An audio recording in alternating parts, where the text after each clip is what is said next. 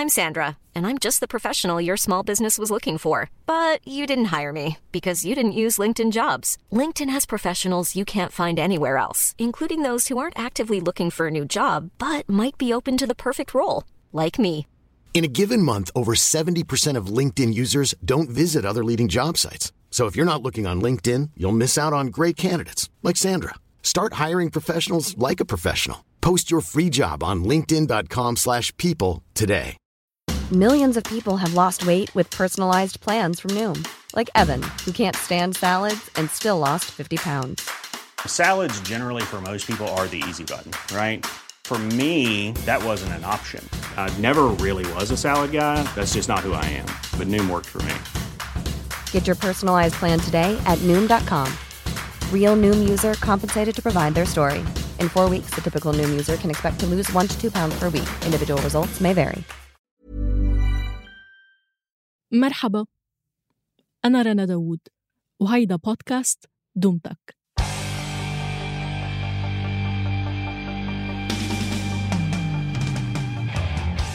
استعدوا للمفاجآت ونحن لا نمزح. استعدوا لمفاجآت كبيرة.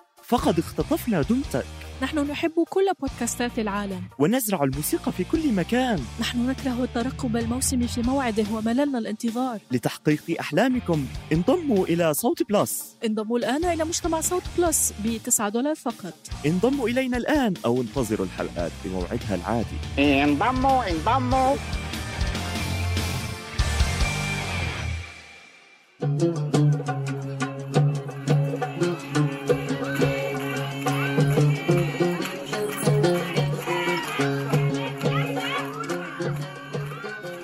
لما كان عمري خمس سنين كنت رح أتسبب بحادث كان ممكن يحرق القرية كلها. كنت بقضي وقتي عم بلعب وأتفرج على أمي. هي وعم تشتغل وتغني مع نسوان الحقل. أمي كانت تغني كل الوقت وما كانت توقف حتى لو كانت مشغولة بترتيب البيت أو فتل الكسكس. بذكر قد إيه كان صوتها ساحر وكانت القصص اللي تحكي لي إياها مثل الشعر. الجنود الفرنسيين كانوا منتشرين بكل محل. والناس كانت مشغولة إما بلقمة العيش أو بالثورة.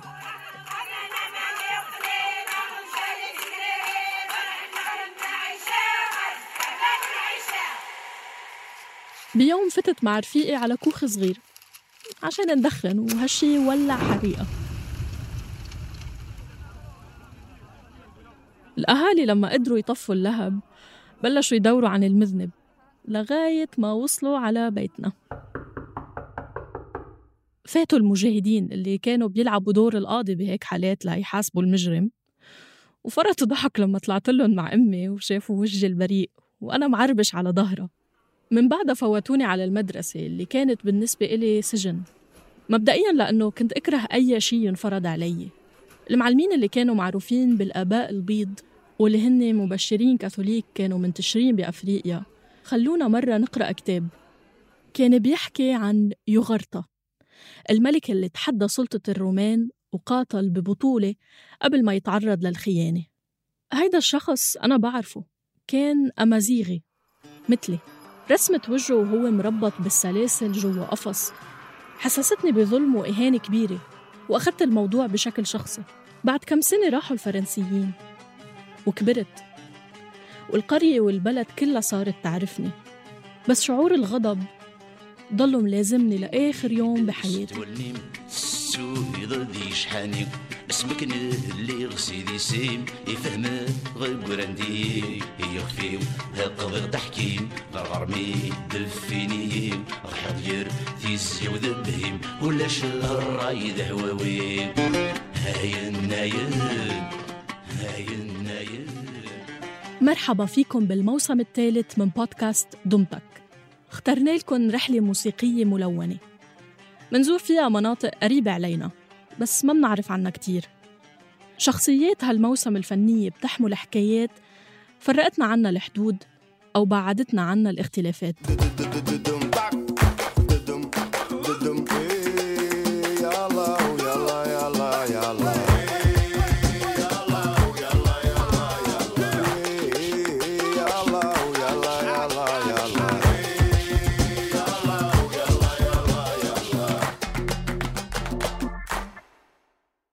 بهاي الحلقة رح نروح على الجزائر.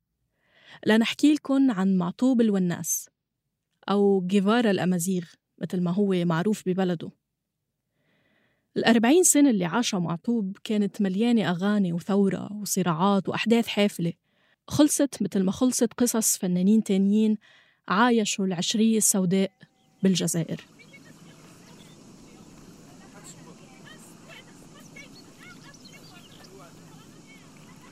نحن هلأ بعام 2970 حسب التقويم الأمازيغي. كلمة أمازيغي معناها الإنسان الحر النبيل. والأمازيغ هن السكان الأصليين لمنطقة شمال أفريقيا. بعدهم لليوم موزعين من واحد سيوة بمصر لجزر الكناري ومن جنوب البحر الأبيض لأعماق الصحراء بالنيجر ومالي. موجودين بشكل مجموعات. لكل وحدة منهم خصوصية ولغة محلية.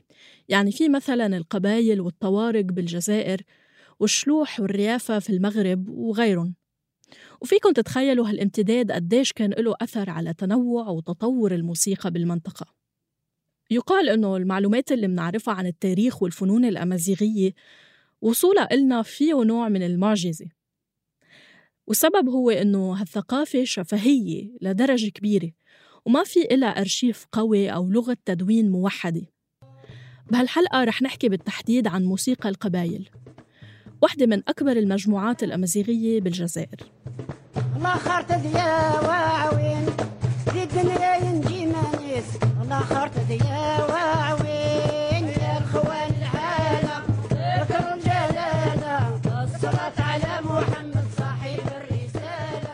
نساء من أعمار متفاوتة بزيهم التقليدي وآلاتهم البسيطة.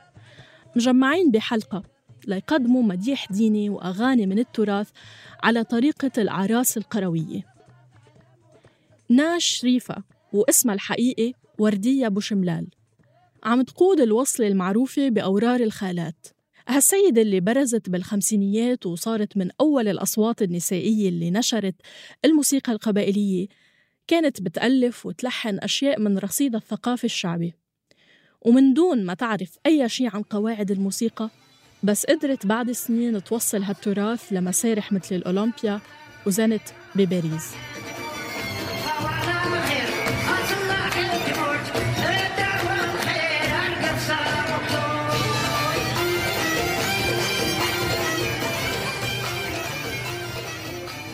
واللي حققته ناش شريفة ما كان سهل أبداً. مبدئياً لأنه بعد استقلال الجزائر عن الاستعمار الفرنسي سنة 1962 الدولة الجزائرية الحديثة تبنت سياسة التعريب. وهالشي ولد إحساس بالتهميش عند الأمازيغ. في اللي اعتبروا محاولة فرض اللغة العربية عليهم حرب على هويتهم وكأنه استعمار جديد فات لعندهم. والموسيقى وأي شيء تاني بيعبر عنهم كان شكل من أشكال المقاومة وإثبات الوجود مقابل الواقع الجديد. بهاي الفترة والد معطوب الوناس اللي حكينا لكم عنه بالمقدمة والده كان مغترب بفرنسا وقرر يرجع على بلده. معطوب ما كان بيعرفه منيح لأنه والدته بالفعل هي اللي ربته مع أخته مليكا لكن سنة 1972 شكلت منعطف بحياة معطوب. وصلته هدية خاصة من بيو اللي رجع من السفر. آلة الموندول وهي آلة وترية شبيهة بالعود. معطوب بيقول إنه خاف يخدش الآلة من كتر جمالها وقيمتها. ومن وقتها بلش يتعلم الغناء والمقامات. وهيك بيت معطوب بالقرية كان أول مسرح لإله.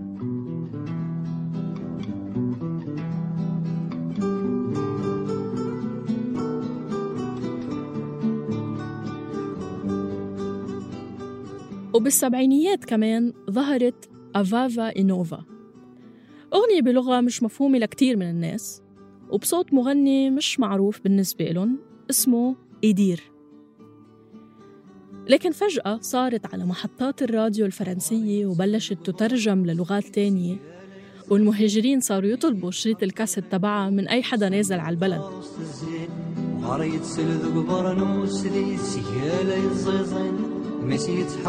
القلوب والصندوق قاروس الزين. جبالين الزين هالأغنية معروفة بالعربي باسم يا أبي.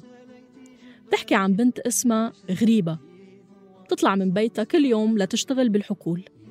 ولما ترجع آخر النهار أبوها بخاف يفتح لها الباب لأنه بظن إنها وحش جاي يفترس أولاده. بيطلب منها تسمعه صوت إسوارتها ليتأكد من هويتها وهيك بيطمن وبيفتح لها. بتفوت البنت بتلاقي العيلة مجمعة حوالين النار والجدة عم تنسج وتخبر حكاوي للصغار مثل كل ليلة.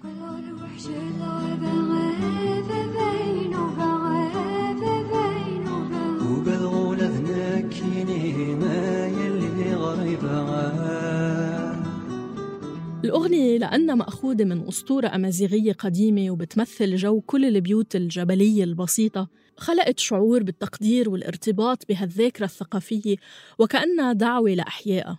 كاتب كلمات أفافا إينوفا محمد بن حمدوش لما حكى عنها للجزيرة الوثائقية قال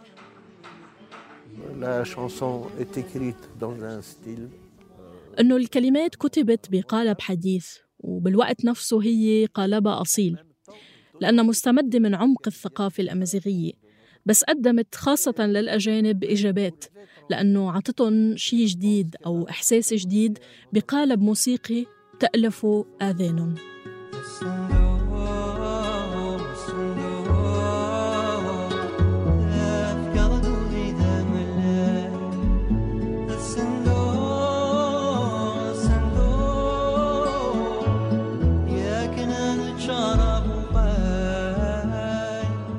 إدير عمل أغاني تانية انشهرت منها اللي مستوحى من الفولكلور الأمازيغي. وعرف يمزج بين التوزيع الغربي وإيقاعات الموسيقى القبائلية اللي بتعتمد كتير على الآلات مثل البندير والناي. ومع الوقت صار إدير معروف بسفير الأغنية القبائلية. وإدير بالنسبة لمعطوب كان نموذج وقدوة. وفعلا تعرف عليه عبر صديق مشترك. ولما سافر معطوب على باريس دعاه إدير للأداء بحفلة وكان أول ظهور له أمام جمهور فرنسي. ويقال أنه ساعده كمان بتسجيل أول أسطوانة له بأواخر السبعينيات.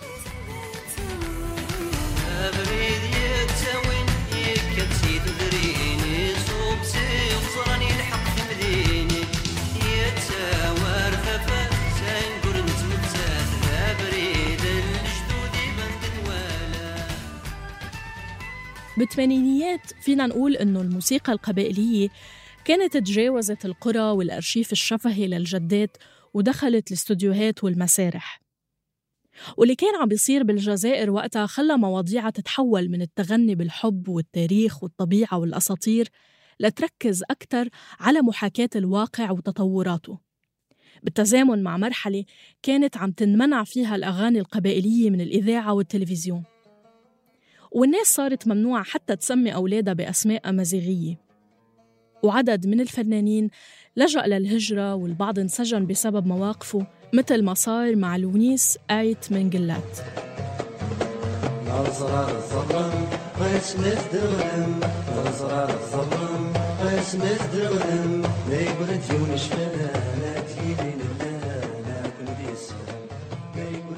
ربيع 1980 من فترة قصيرة قبلها الرئيس الجزائري الشاذلي بن جديد كان تسلم الحكم ووعد بالتغيير. وبيوم كان المفروض يكون عادي.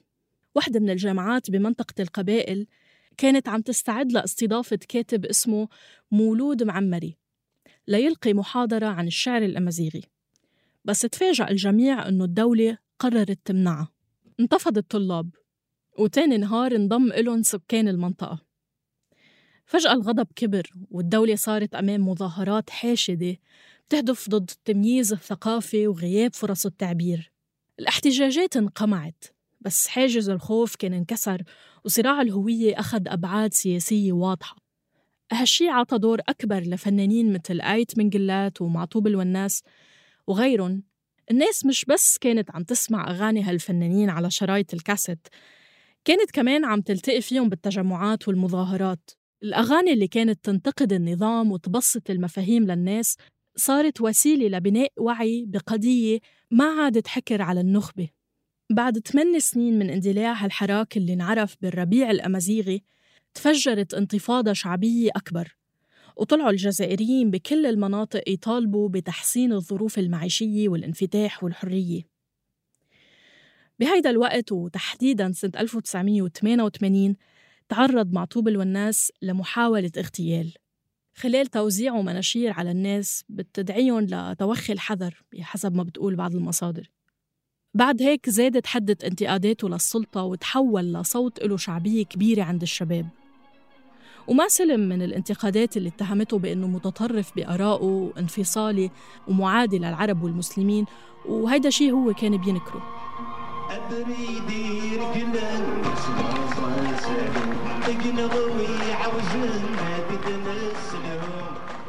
معطوب كان يسافر يغني للجاليات بالمهجر.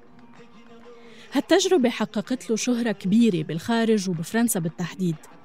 بالإضافة للأغاني اللي كان يكتبها بنفسه وعزفه على آلة الموندول اللي ما بتفارقه.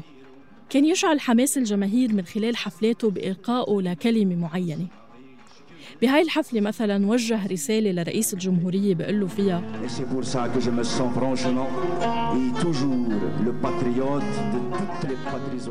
إنه الوطن لا يختزل بالدولة.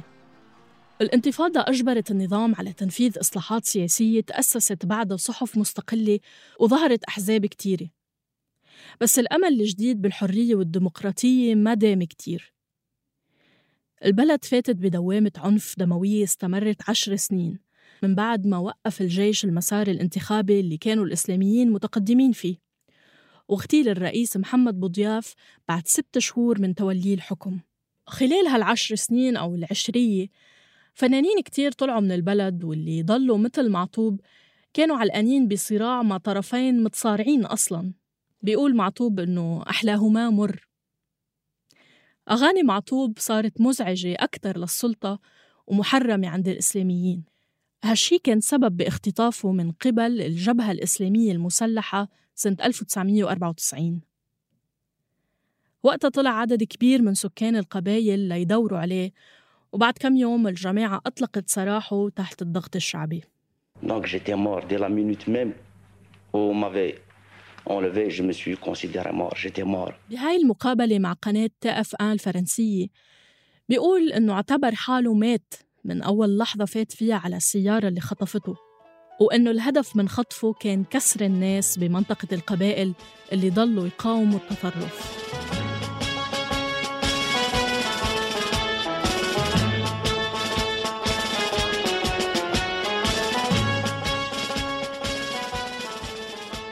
هيدا لحن النشيد الوطني الجزائري اللي ألف كلماته العربية شاعر أمازيغي واللي قرر معطوب بخطوة أثارت جدل كبير إنه يرجع يكتب أبياته بالأمازيغية بس هالمرة ليهاجم النظام ويتهمه بالخيانة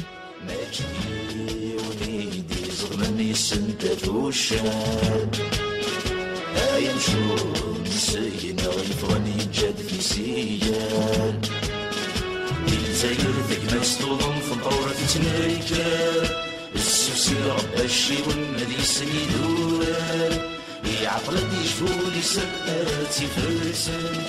يعطلت يجبولي سكراتي فرسن. صدورهم صدورهم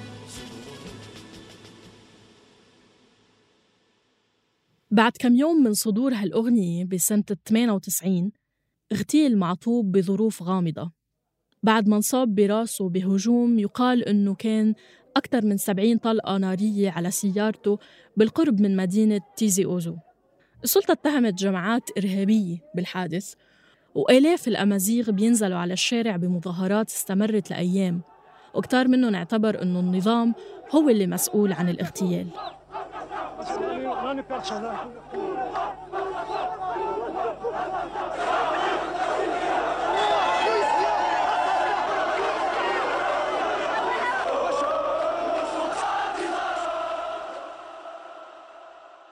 المفارقة أنه بعد سنوات الرواية الرسمية كمان اعتبرت معطوب بطل وتكرمت عائلته وتشيد متحف لأغراضه الشخصية.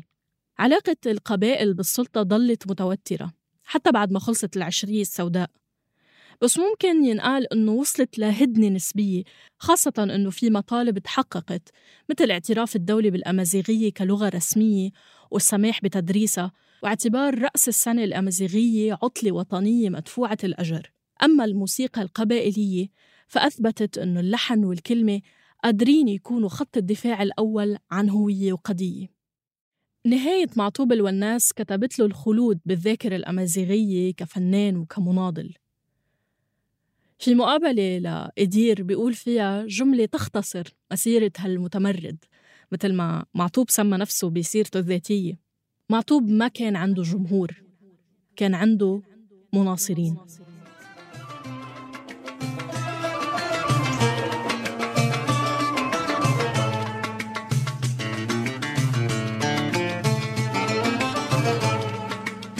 نسجن السوثور ذي زمان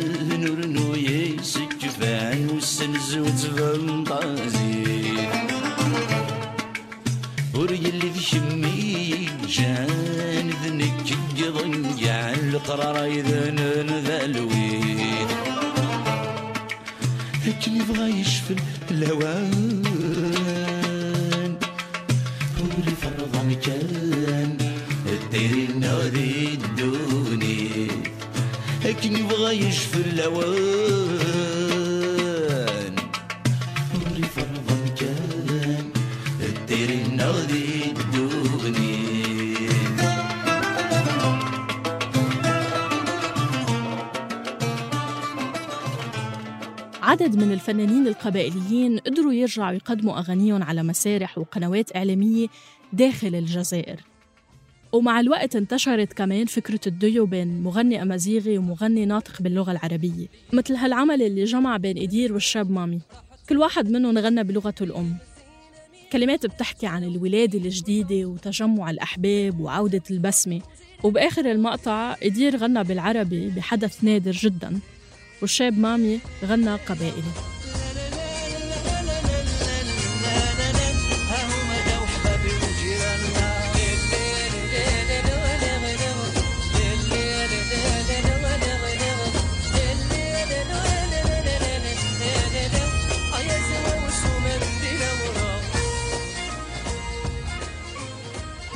هاي الحلقة بحث وكتابة أميرة إيمولودان. تحرير وتقديم رنا داوود. والتصميم الصوتي تيسير قباني. النشر والتواصل جنى قزاز ومرام النبالي. روينا لكم القصة بناء على مصادر متاحة إلنا. إذا بتعرفوا غير روايات عن فنانين أمازيغ منحب نسمع منكم عبر تعليقات مكتوبة على ال social media أو من خلال رسائل صوتية على واتساب الخاص بصوت.